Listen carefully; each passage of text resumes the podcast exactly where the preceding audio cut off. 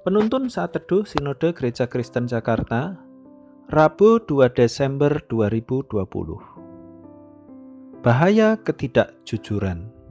Kisah para Rasul pasal 5 ayat 1 sampai 11. Ada seorang lain yang bernama Ananias.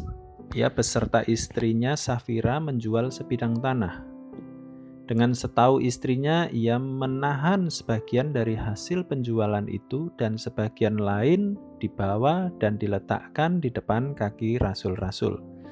Tetapi Petrus berkata, Ananias, mengapa hatimu dikuasai iblis, sehingga engkau mendustai roh kudus dan menahan sebagian dari hasil penjualan tanah itu? Selama tanah itu tidak dijual, bukankah itu tetap kepunyaanmu? Dan setelah dijual, bukankah hasilnya itu tetap dalam kuasamu?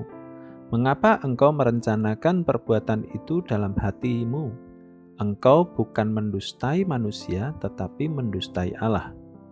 Ketika mendengar perkataan itu, rebahlah Ananias dan putuslah nyawanya. Maka sangatlah ketakutan semua orang yang mendengar hal itu. Lalu datanglah beberapa orang muda mereka mengapani mayat itu, mengusungnya keluar, dan pergi menguburnya. Kira-kira tiga jam kemudian masuklah istri Ananias, tetapi ia tidak tahu apa yang telah terjadi. Kata Petrus kepadanya, "Katakanlah kepadaku, dengan harga sekiankah tanah itu kamu jual?" Jawab perempuan itu, "Betul sekian." Kata Petrus, Mengapa kamu berdua bersepakat untuk mencobai roh Tuhan? Lihatlah, orang-orang yang baru mengubur suamimu berdiri di depan pintu dan mereka akan mengusung engkau juga keluar. Lalu rebahlah perempuan itu seketika itu juga di depan kaki Petrus dan putuslah nyawanya. Ketika orang-orang muda itu masuk, mereka mendapati dia sudah mati. Lalu mereka mengusungnya keluar dan menguburnya di samping suaminya. Maka sangat ketakutanlah seluruh jemaat dan semua orang yang mendengar hal itu. Seberapa penting karakter kejujuran seseorang, terutama dalam hidup orang percaya?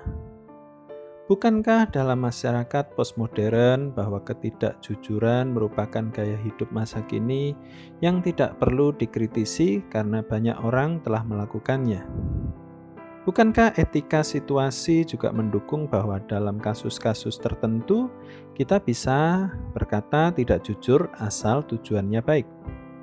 Kita perlu bertanya ulang, benarkah konsep dan perbuatan tersebut menurut perspektif kebenaran Kristen? Mari kita coba soroti kasus Ananias dan Safira. Seberapa seriuskah karakter ketidakjujuran atau kebohongan yang dilakukannya? sehingga harus kehilangan nyawa? Kasus ketidakjujuran Ananias dan Safira dalam hal memberi hasil penjualan tanah mereka di hadapan para rasul ternyata mengakibatkan akibat yang sangat serius, yakni berakhir dengan hukuman kematian. Menurut kasus ini, sikap tidak jujur bisa dikategorikan sebagai sikap hati yang buruk yang harus diwaspadai dan harus dibereskan dalam hidup kita. Jika dalam hidup kita Anda pernah bohong, namun tetap hidup dan belum dihukum mati, itu tidak berarti kita boleh melakukannya. Melakukan dosa dan tidak langsung dihukum berarti diberi kesempatan untuk berubah. Setiap dosa pasti ada konsekuensinya. Apa persoalan dosa ketidakjujuran Ananias dan Safira? Mereka sepakat berdosa yaitu mendustai Roh Kudus. Hati mereka dikuasai oleh iblis. Hidup mereka tidak dikuasai atau dipenuhi oleh kebenaran. Bobot kejahatan tersebut dianggap berdusta di hadapan Allah dan manusia. Ketamakan, kebohongan dibiarkan merusak hati mereka dan tidak mau dibereskan. Sementara itu, mereka tetap mau dianggap pemberi yang murah hati. Ketidakjujuran yang direncanakan dan terus dilakukan berakibat fatal berupa hukuman mati. Bagaimana dengan hidup Anda? Apakah Anda meremehkan suatu dosa dalam hidup Anda? Ingatlah bahwa suatu dosa yang tidak dibereskan dan terus dilakukan akan mendatangkan hukuman yang serius. Kita tidak boleh salah konsep bahwa karena belum ada hukuman berupa hukuman berat seperti hukuman mati yang dialami oleh Ananias dan Safira, maka dosa kita tidak serius. Kita perlu menyadari bahwa apa pun bentuk dosa yang kita lakukan, terlebih lagi direncanakan dan disengaja, maka pasti ada konsekuensinya. Memang hidup kita tidak bebas dari dosa, kecuali darah Kristuslah yang bisa membebaskan kita karena anugerahnya.